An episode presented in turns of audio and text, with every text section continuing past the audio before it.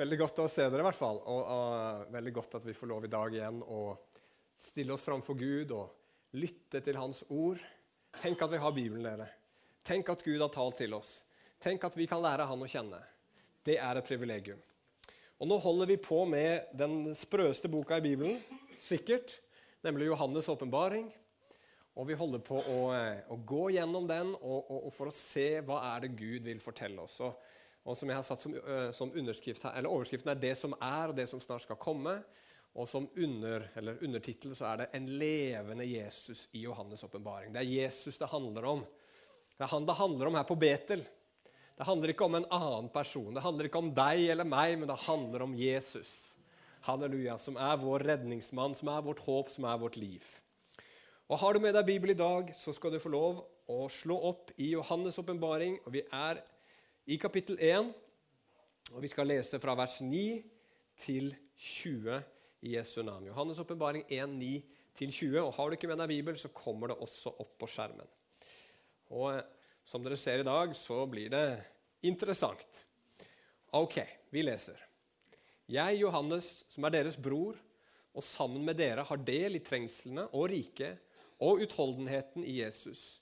Jeg var på øya Patmos Dit var jeg kommet pga. Guds ord og vitnesbyrdet om Jesus. På Herrens dag kom Ånden over meg, eller var jeg i Ånden, står det i noen oversettelser.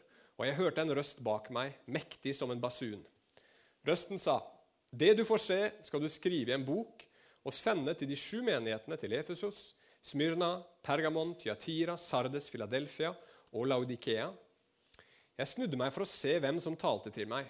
Da så jeg sju lysestaker av gull og midt mellom lysestakene en som var lik en menneskesønn, kledd i en fotsid kjortel og med et belte av gull om brystet. Hodet og håret hans var hvitt som hvit ull eller som snø. Øynene var som flammende ild. Føttene som bronse glødet i en ovn, og røsten var som bruset av veldige vannmasser. I høyre hånd holdt han sju stjerner, og fra munnen gikk det ut et skarpt, tveget sverd. Ansiktet var som solen når den skinner i all sin kraft. Da jeg så ham, falt jeg som død ned for føttene hans. Men han la sin høyre hånd på meg og sa, Frykt ikke, jeg er den første og den siste og den levende. Jeg var død, men se, jeg lever i all evighet, og jeg har nøklene til døden og dødsriket. Skriv derfor ned det du har sett, det som er nå, og det som skal komme heretter. Dette er hemmeligheten med de sju stjernene som du så i min høyre hånd, og de sju lysestakene av gull. De sju stjernene er englene for de sju menighetene, og de sju lysestakene er de sju menighetene. Ja, kjære himmelske Far, vi bare takker deg, Gud, for at vi får lov igjen å stille oss, Herre, under forkynnelsen av ditt levende ord, Herre. Og nå ber jeg Gud om at vi, på samme måte som Johannes, eller i hvert fall i en viss grad, Herre, skal få lov til å se deg, Jesus, også. At vi skal få et glimt av din herlighet, at vi skal få en glimt av din storhet. At vi skal få se stråleglansen fra ditt ansikt. At du skal bli stor for oss, Jesus. At du skal berøre hjertene våre, Herre. At du skal gjøre noe med våre liv, Herre. At du skal eh, tale, Herre, sånn at vi, Herre, blir forvandla, Gud. Sånn at vi, Herre, kommer dit du vil vi skal, Herre, og gjør det du vil vi skal gjøre, Gud. Herre, hjelp meg til å formidle i dag. Jeg trenger deg så inderlig, Gud. Og vi trenger deg alle sammen her i dag. Derfor ber vi deg, Jesus om at du skal åpenbare deg. Amen. For de av dere som husker Sist gang, for to uker siden, så var det liksom introduksjonen til boka Johannes' åpenbaring. Og vi fikk litt sånn teoretisk innføring i eh, hvem boka var skrevet av, hvem den var skrevet til. og Litt sånn, eh, en sånn klassisk fin introduksjon. Men nå blir det plutselig mye mer dramatisk. Nå får vi greie på at forfatteren Johannes han er fange på en øy som heter Patmos. Den ligger rett vest for Tyrkia. Og Vi får vite at han er på denne her fangeøya, nesten som en datidens Alcatraz. for de av dere som hørte om det fengselet. Her er ikke han fordi han har gjort noe kriminelt, men fordi han har vitna om Jesus, fordi han har vært trofast imot Guds ord. Men det at han er fange på den øya, er ingenting i dramatikk i forhold til det han får se. For han får se Jesus på en måte som bare ryster han fullstendig. Og han blir slått over ende, bokstavelig talt, av det han ser. Og så får han et oppdrag fra Jesus. Og det er det vi skal kikke litt på i dag. Vi skal prøve å ta inn over oss det her, og jeg bare ber virkelig Gud altså, om at han må åh, treffe hjertene våre i dag. Eh, sånn at vi kan se at dette handler ikke bare om en mann for lenge siden, men det handler om våre liv i dag. Og Vi skal prøve å se i dag på vårt liv på Patmos, vårt liv i ånden og vårt liv i oppdrag. Så det blir Patmos, ånden og oppdrag som er de tre hovedoverskriftene mine. Og, eh, og, og, eh, og tittelen i dag er 'I ånden på Patmos'. Så vi begynner på Patmos. Prøv å sette deg inn i den situasjonen som Johannes, apostelen, her befinner seg i. Det er litt uenighet. Noen er usikre på hvor gammel egentlig Johannes var på dette tidspunktet her, når han havna på Patmos. Men veldig mange tror at det var helt på slutten av hans liv. Og Her har du da altså Johannes, apostelen. Antageligvis så er alle de elleve andre apostlene døde. Og de har alle sammen lidd martyrdøden. Han er alene igjen. Og etter et langt liv i tjeneste for Gud så befinner han seg på denne lille øya her, Patmos, en, en, en ganske eh, tørr, ørkenaktig, steinete øy som er bare 12 km fra, fra, fra, liksom fra, den ene enden til den andre. Og så er han straffange, og han jobber antageligvis i steinbruddene på øya og gjør hardt arbeid. Han er alene, sikkert sliten, sikkert føler han seg svak. Og han er fange, han er ikke fri. Hva har skjedd? Burde ikke Johannes, den trofaste, store apostelen, vært hovedpastor i megakirka i Roma med god lønn og familien rundt seg og klar til å gå inn i en behagelig pensjonisttilværelse? Er det ikke sånn det burde vært når det står i Bibelen at den rettferdiges lys er som en strålende Den rettferdige sti er som en strålende lys. Det blir klarere og klarere inntil det er høylys dag. Står det ikke i Bibelen at det skal bare bli bedre og bedre og bedre når du blir en kristen? Og så havner Johannes her på Patmos. Er det sånn Jesus belønner sine tjenere? Men Johannes han har ingen illusjon om et behagelig liv. Bare hør hvordan han introduserer seg selv. Han sier for det første at 'jeg er en bror'. Så Han anså seg selv som en som var en del av Guds familie, hadde Gud som far. Og 'jeg er en del som har del i riket'. Han hadde del i det riket som skulle komme. Han var en borger i Guds rike. Himmelen var hans hjemland. Men så sier han ikke bare det.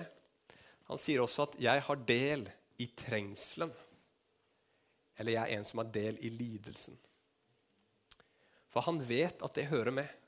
Han vet at hvis du skal følge Jesus, hvis du skal være en del av riket, så blir du også en del av trengselen. Du blir en del av lidelsen. Og, og, Paulus sier det til noen kristne som han vil oppmuntre. For de har det tøft. Så sier Paulus i Apostlenes gjerne i 1422.: Vi må gå inn i Guds rike gjennom mange trengsler. Skal du følge Jesus, får du masse problemer. Halleluja! ikke det er godt å vite? Og vet dere hva? Vi merker det kanskje ikke så mye på kroppen akkurat nå, men for veldig mange kristne så er det definitivt sånn. Denne uka her for eksempel, så har vi bedt for de forfulgte kristne her på Betel på bønnemøtene. Og en av dagene, vi, vi, har en sånn bønnekalender fra Åpne dører som vi følger, og en av dagene så var det en kvinne som heter Amira vi ba for. Og Her står det som blir sagt om henne. For en stund siden måtte Amira flykte fra familiens husarrest. Hun hadde blitt banket og forsøkt konvertert tilbake til islam. Familien planla også å gifte henne bort til en muslimsk mann. Be for Amiras sikkerhet og at Gud må beskytte henne fra å bli tvunget inn i et ekteskap. Dette her er bare én historie blant millioner av historier. Blant 200 og jeg tror det er 30-40 millioner mennesker i dag som blir forfulgt på en eller annen måte pga. sin tro. De er på Patmos, disse menneskene. Og det fins et Patmos for alle kristne. Du må ikke bli overraska den dagen ditt liv kommer dit. For du også kommer til å en eller annen, en eller annen dag være på Patmos. Men så er det noe bra med Patmos òg. Patmos er ikke bare en sånn øy som er tørr og fæl. Men på Patmos så finnes det en kilde med liv for de kristne. For det står her Johannes sier at han har ikke bare del i lidelsen og trengselen, Man sier jeg har også del i Jesu Kristi tålmodighet. Eller Jesu Kristi utholdenhet. Med andre ord sier han at den kraften som bar Jesus til korset og gjennom korset, gjennom dette livet, den kraften virker også i meg. Det fins kraft på Patmos. Eh, I, i det jeg liksom forberedte meg til det her denne gangen, så kom jeg over et brev fra ca. 200-tallet. Et brev fra en, en, en, forfatter vi ikke kjenner, men som var skrevet til en fyr i det romerske riket som het Diognet. Og Han var interessert i dette med kristen tro. Og Så skriver denne fyren da et, et, et, langt brev for å forklare hva kristen tro er. for noe. Og Så kommer han til et punkt hvor han snakker litt om, om, om det de kristne opplever på deres tid. Og Der skriver han følgende.: Ser du ikke at de kastes for de ville dyr for at de skal fornekte Herren?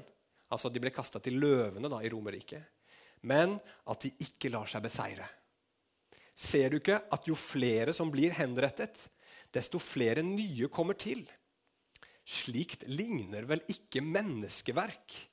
Det er Guds verk. Det er vitnesbyrd om hans nærvær. Der har du forresten sitatet på skjermen. Alle kristne kommer på et tidspunkt til Patmos. Og hva gjør vi da? Klager vi Gud? Det skulle bli et godt liv å følge deg. Det skulle være enkelt. Gir vi opp? Nei, det orker jeg ikke mer. Hvis det er sånn det skal være å følge deg, Gud, så vil jeg ikke. Tenker du at all din gudsfrykt, alle dine ofre var bortkasta? Det var ikke til noe nytte. Nå har jeg fulgt deg, Jesus, for at livet mitt skulle bra, bli bra, og så blir det vanskelig istedenfor. Eller gjør du som Johannes? Gjør du det som kristne til alle tider har gjort når de var på Patmos? Er i ånden. Er i ånden. Det står så flott i dagens tekst. Det er ikke så lett å se det på det norske språket, men det er en fin kontrast.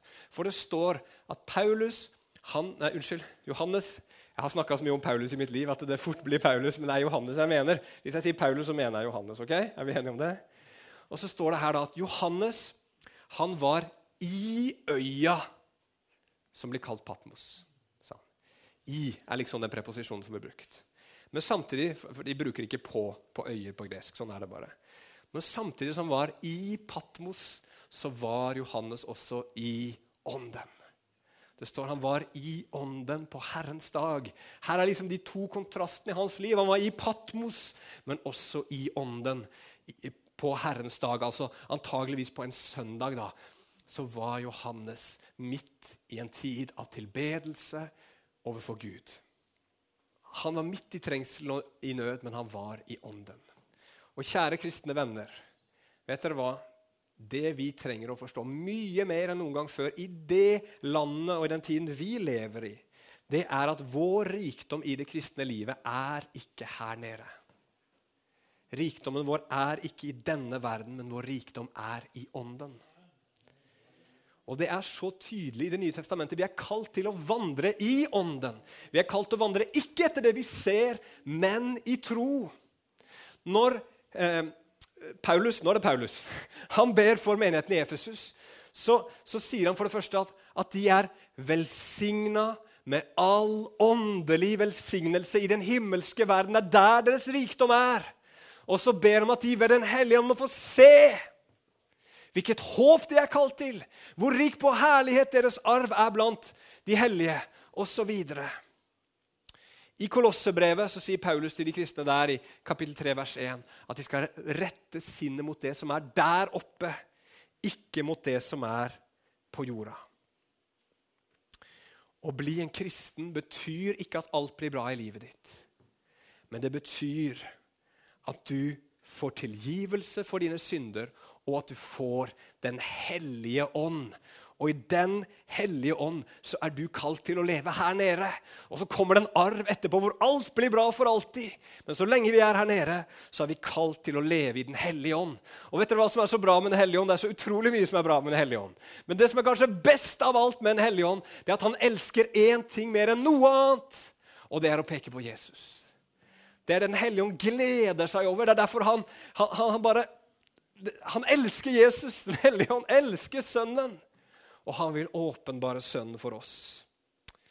Og det var det som Johannes også fikk oppleve og, åpenbart.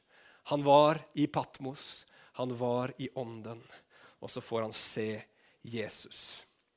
Og hvordan så Jesus ut? Jo, noe sånt som det her. Jeg gikk på flere forskjellige tegninger, men denne her slo meg som kanskje den som, som var mest klarte å liksom eh, gi inntrykk av hvor heftig og frykt, fryktinngytende på mange måter, men samtidig hvor herlig den åpenbaringen som Johannes får av Jesus. Dette er jo langt ifra virkeligheten, men jeg syns det var ganske bra allikevel. Hva sier Johannes? Jo, for, for først hører han at Jesus har en stemme som låter som en basun. Og så går Jesus gjennom, mellom to, syv lysestaker. Han har syv stjerner i hånda si. Han ligner en menneskesønn, står det. Han har en vid kjortel på seg og et gullbelte rundt livet. Han har hvitt hår og hvitt hode, øyne som flammende ild, føtter som bronse, en røst som mange vann, et sverd som går ut av hans munn, og ansiktet hans stråler som solen i sin kraft. Hva i all verden er det her? Jeg har advart dere. Vi, skal, vi er inne i en nokså spesiell bok. Men vi skjønner at dette her er bilder og symboler. Dette her er en framstilling av Jesus som er ment å skulle fortelle oss noe om hvem han er. Og Hvis du er litt glad i å lese Bibelen og litt kjent i Bibelen, så finner du ut at nesten alt det som står her, finner vi også i Daniels bok. Som en beskrivelse på Gud. Kapittel 7 og kapittel 10 i Daniel. Og Der står det til og med at det dukker opp en som ligner på en menneskesønn. akkurat sånn som det står her. Han er der allerede i Bibelen. Så det som først og fremst blir sagt her, at Jesus er guddommelig. Han er Gud. Han er Guds sønn.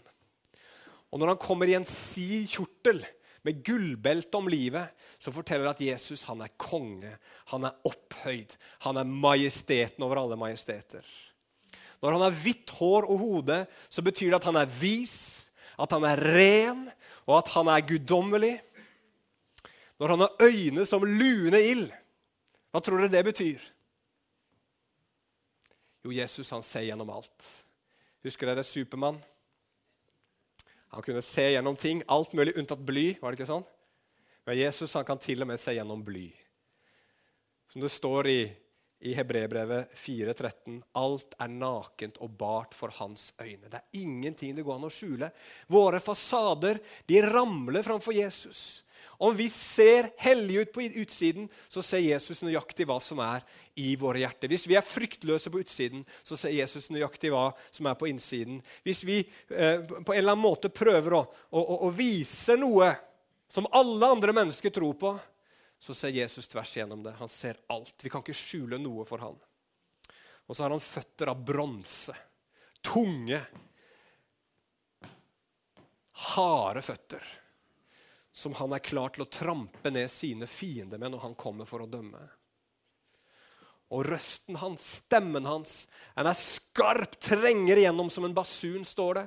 Og samtidig så er den overdøvende og øredøvende som lyden av mange vann. Og så er den som et sverd som trenger igjennom og dømmer hjertets tanker og råd, sånn som det også står om i hebreerbrevet. Og kanskje alt i denne beskrivelsen av Jesus kan summeres opp i det at ansiktet hans strålte som solen. Har du prøvd å kikke på sola noen gang? Det går ikke. Du kan ikke se direkte på sola. Det er for mye kraft. Øynene dine tåler ikke, og ser du på sola, så kan du bli blind.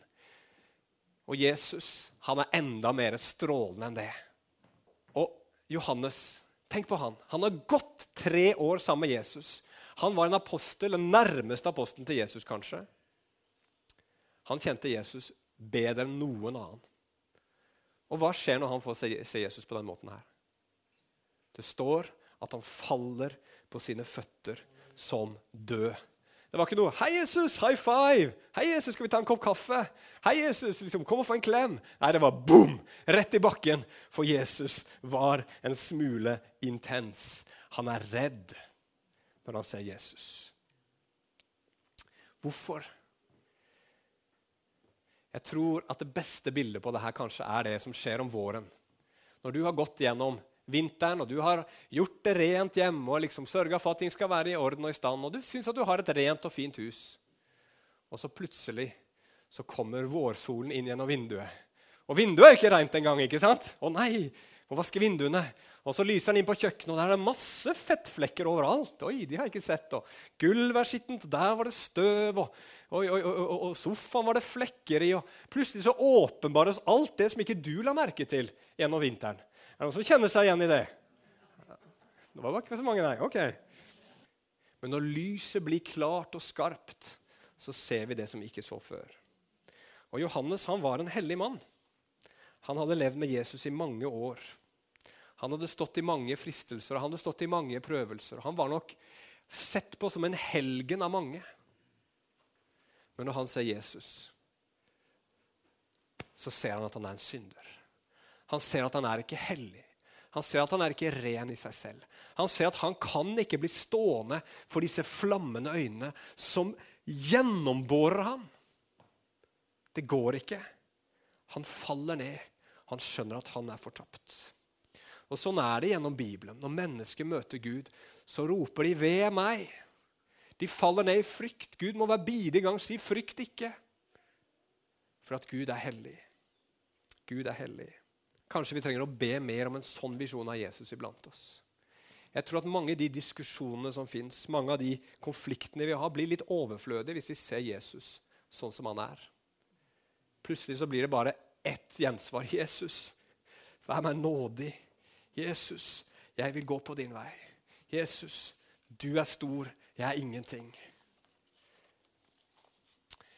Det som er fint med denne historien her, og det som gir meg håp, hvert fall, når vi ser Jesus på den måten her, det er at det er ikke alt vi får se om Jesus.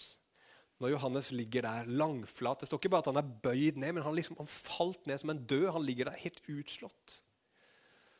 Så sier Jesus, idet han legger sin høyre hånd på han, som et tegn på kjærlighet, som et tegn på vennskap, så sier han, 'Frykt ikke'. Jeg er, sier han. Jeg er. Disse ordene som vi finner i Det gamle testamentet hele tiden om Gud. Jeg er. Det er det at Gud er noe. Det er det at Jesus er noe. Det er der vårt håp ligger. Jesus ser tvers gjennom oss, så ikke prøv å late som du er noe bedre enn du er framfor han allikevel. Det er ikke noe vits, det er bare, det er bare en vits. For han ser. Men håpet ligger i Jesus, som sier 'jeg er'. Så sier han først 'jeg er den første og den siste'. I vers 8 så blir noe av det lignende brukt om, om Gud, og i noen av oversettelsene står det også i vers 11 'Jeg er alfa og omega'. Jeg er den alt starter med, og jeg er den alt slutter med. Hva betyr det? Tenk på at du leser en bok.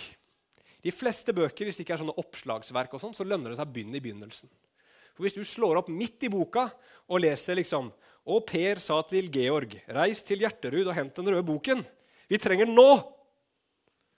Så har ikke du peiling på hvem Per er, og du vet ikke hvem Gertrud eller Georg er. Du vet ikke hva den røde boken er for noe. Du blir bare forvirra. Du skjønner ingenting.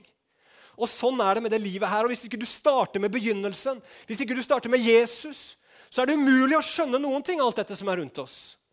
Du skjønner ikke hvorfor du er her, du skjønner ikke hva dette livet handler om. Du skjønner ikke hva som er målet og hensikten med alt sammen. Du må begynne i begynnelsen, og begynnelsen er Jesus. Det er han som er alfa. Det er han som er begynnelsen. Og så er det også som en bok at den har en slutt. Sant? En bok den begynner, forklarer litt, og så skjer det et eller annet problem. Det kommer en spenning, det kommer konflikter, det kommer et mysterium. Og så kommer du, iallfall en god bok, etter min mening, til slutten av boka, og så løses mysteriene. Og så blir spenningen oppløst, og så tar konfliktene slutt. Og så kommer det en god, fin konklusjon til slutten av boka. Og sånn er Jesus for hele universet. Jesus han er slutten som bringer harmoni og konklusjon i alle ting. Ditt liv, mitt liv er fullt av spenninger, konflikter, våre synder, våre kamper, vår frykt, bekymring. Men i Jesus så skal alt sammen bli brakt til en lykkelig slutt. Hvor vi får se alt sammen klart. Og hvordan skjer det? Jo, for han sier ikke bare 'jeg er begynnelsen og slutten', men han sier 'jeg er han som lever og var død'. Og ser jeg levende i all evighet. Jeg har nøklene til dødsriket og til døden. Håpet for Johannes, som ligger død foran denne Jesus. Håpet for oss, som står fordømt framfor en hellig Gud. Det er Jesus, han som var død, men som lever i all evighet. Som har nøklene til dødsriket og til døden. Hvorfor ligger håpet vårt der? Jo, for Bibelen forklarer at denne døden, som er den store fienden for alle mennesker Alle skal dø! Den kom av synden. Det var synden som brakte døden. Men nå som Jesus har beseira døden, så betyr det at han også har sona synden. Det betyr at du skal ikke dø, for Jesus døde i stedet for. Det betyr at du skal leve, for han lever. Det er det herlige budskapet i Bibelen til alle mennesker, at det fins sånt et håp. For det er Jesus seira. Jesus seira for oss. Vi står der nakne og avkledde, og så sier Jesus, 'Det er den du er, men jeg tar på meg alt det du er.'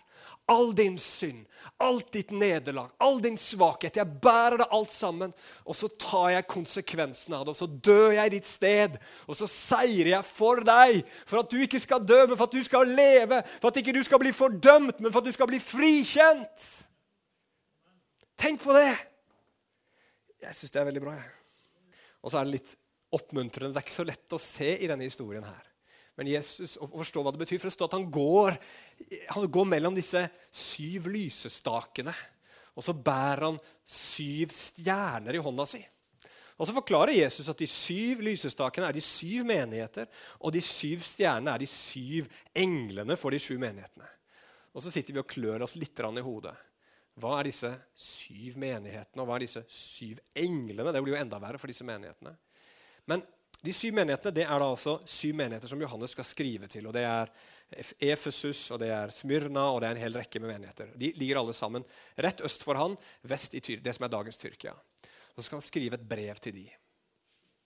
Men så skjønner vi Johannes' åpenbaring at når tall blir brukt, så er det aldri tilfeldig. Når det står til de syv menighetene, så står det ikke at bare Jesus vandrer blant disse syv menighetene. Men de syv menighetene står for hans menighet. For syv er tallet på fullkommenhet og fullhet. Så Jesus sier at jeg som ser absolutt alt, som, som, vet alt om dere, jeg vet nøyaktig hvem dere er, jeg er allikevel midt iblant dere fordi jeg elsker dere. Han er midt iblant sin menighet. Og så står det noe enda rarere. Da. Det er disse syv stjernene som han bærer i sin hånd. Og Det skal være da de syv englene for de syv menighetene. Og den er det mange som klør seg i hodet over. Hva i all verden betyr det? Er det er det skytsengler? Er det sånn at hver menighet har sin skytsengel? Og så er det noen som påstår at det kanskje kan være pastorene for menigheten. For engel kan også bety budbærer. Og da er det kanskje sånn at denne, denne pastoren er en slags engel. da. Men alle som er i en menighet, vet at pastoren er, en, er ingen engel.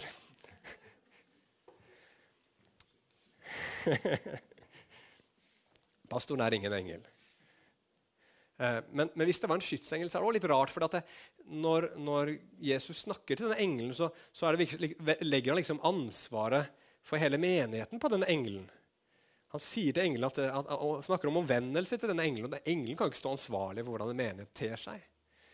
Så vi, vi, forstår det ikke helt, men det, det er veldig tydelig at det budskapet som er til englene, er til menigheten. Det Gud sier til disse englene, er egentlig det han sier til menigheten.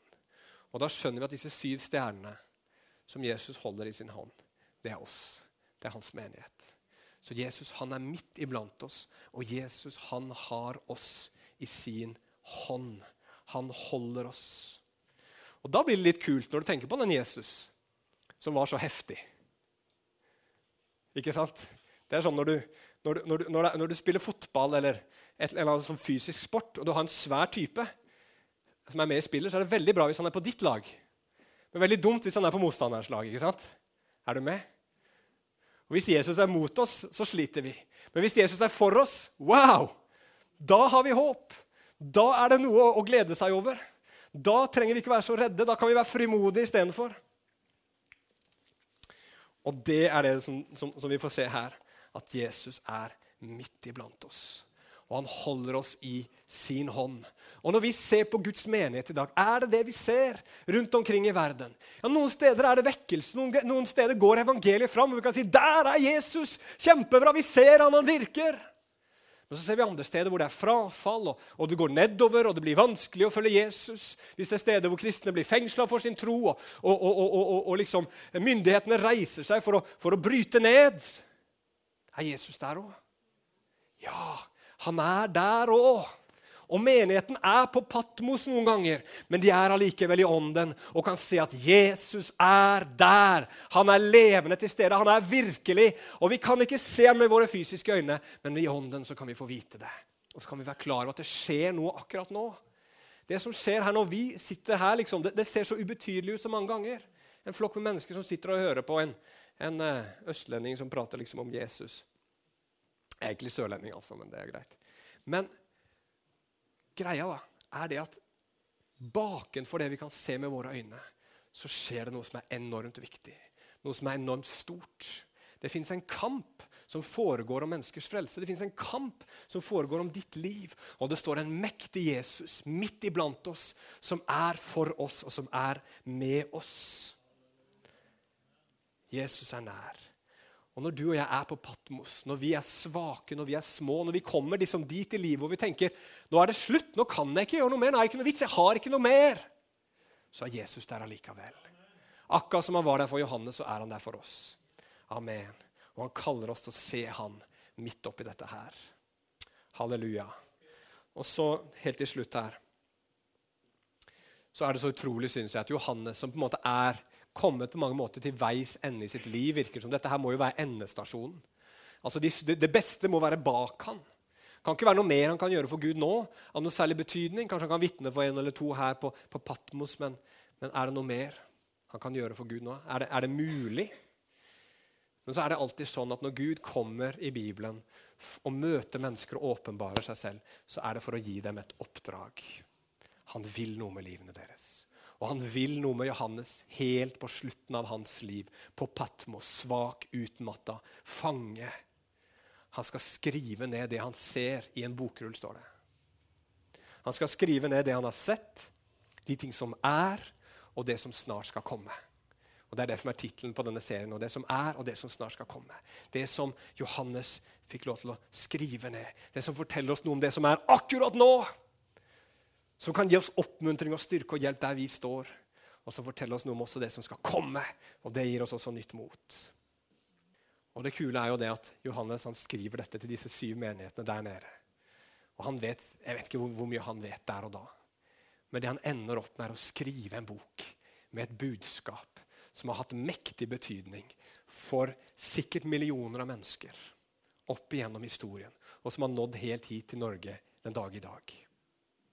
Det så ut som det skulle bli fryk, ikke fryktløst, men fruktløst på Patmos. Men så ble det fruktbart istedenfor, for Jesus var der. Og Sånn er det med ditt liv også. Gud har et oppdrag for deg. Når livene våre føles ubetydelige, når vi er svake, når vi kjenner at vi ikke strekker til, så har Gud allikevel et oppdrag. Når du lider Det fins ikke noe sted hvor Gud ikke vil bruke deg, og det fins ikke noe sted hvor Gud ikke kan bruke deg. Så søk Jesus. Si til Jesus, 'Hva vil du nå? Hvordan vil du bruke meg nå? Hva vil du med mitt liv nå?' Spør han. Jeg er sikker på at han vil bruke deg på en eller annen måte. Og han vil gjøre seg selv kjent gjennom deg. Det er det første jeg har lyst til å si. Og det andre til slutt lev et liv i ånden. Det er så lett her, vet du, hvor vi har så mange ting å leve i det fysiske. De som har ingenting, de har mange bakdeler, men de har den fordelen at de kan ikke hvile seg på de fysiske tingene. De er nødt til å søke Gud. De er nødt til å søke å se at de er rike i noe annet enn sine eiendeler. De er nødt til å se at de har styrke og trygghet i noe annet enn det som de ser rundt seg. De er nødt til å søke Gud. Men vet du hva? Vi også vi trenger å se det, og vi trenger å være i ånden. Vi trenger å lese Guds ord, vi trenger å be. Vi trenger å komme sammen og søke Gud i fellesskap. Vi kommer, trenger å komme her det er en kamp for ditt liv at du skal komme her en søndag formiddag. For at når du kommer her, så ser du noe når Guds ord blir forkynt. Og når du setter deg ned med Bibelen, så ser du noe.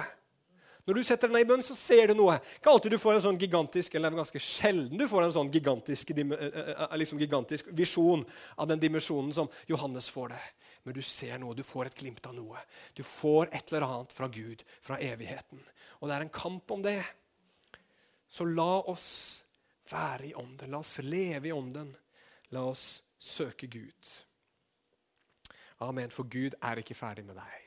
Gud er ikke ferdig med meg. Og er du på Patmos akkurat nå, så er Jesus der. Og han er stor og mektig, og han elsker deg, og han har en plan. Amen. La oss be sammen. Kjære himmelske Far. Og vi takker deg, Gud, for at du som ser med dette brennende blikket, som ser tvers gjennom oss og alle våre fasader, du elsker oss allikevel, og du ga ditt liv for oss i din store nåde. Herre, vi fortjener ikke dette, Herre, men du har gitt det, Gud. Så Herre, jeg har bare lyst til å be for alle mine brødre og søstre her om at du ved Den hellige ånd skal åpenbare Jesus for oss på nytt igjen, Herre. La oss få se at vi er barn av den levende Gud. La oss få se at våre synder er sletta ut. La oss få se at vårt hjemland er i himmelen, Herre. La oss få se at vi lever her nede med et oppdrag, Herre. Og vi har gode nyheter å fortelle til mennesker, Herre. Om de tar imot eller forkaster, Herre. Det får være det samme, Gud. Det er opp til dem, Herre. Men vi vil dele, Herre, for du vil bruke oss, Gud. Hjelp oss å være frimodige, Herre. Hjelp oss ikke frykte. Hjelp oss ikke la oss styre etter det som er synlig, Herre, men leve etter det usynlige istedenfor, Herre. For de synlige ting varer bare en kort stund. Det vet vi, Herre. Dette blir borte. Men de usynlige ting er evige, Herre. Takker deg og priser deg for det. Så Hellige Ånd, kom. Vi ber om det i Jesu navn. Halleluja.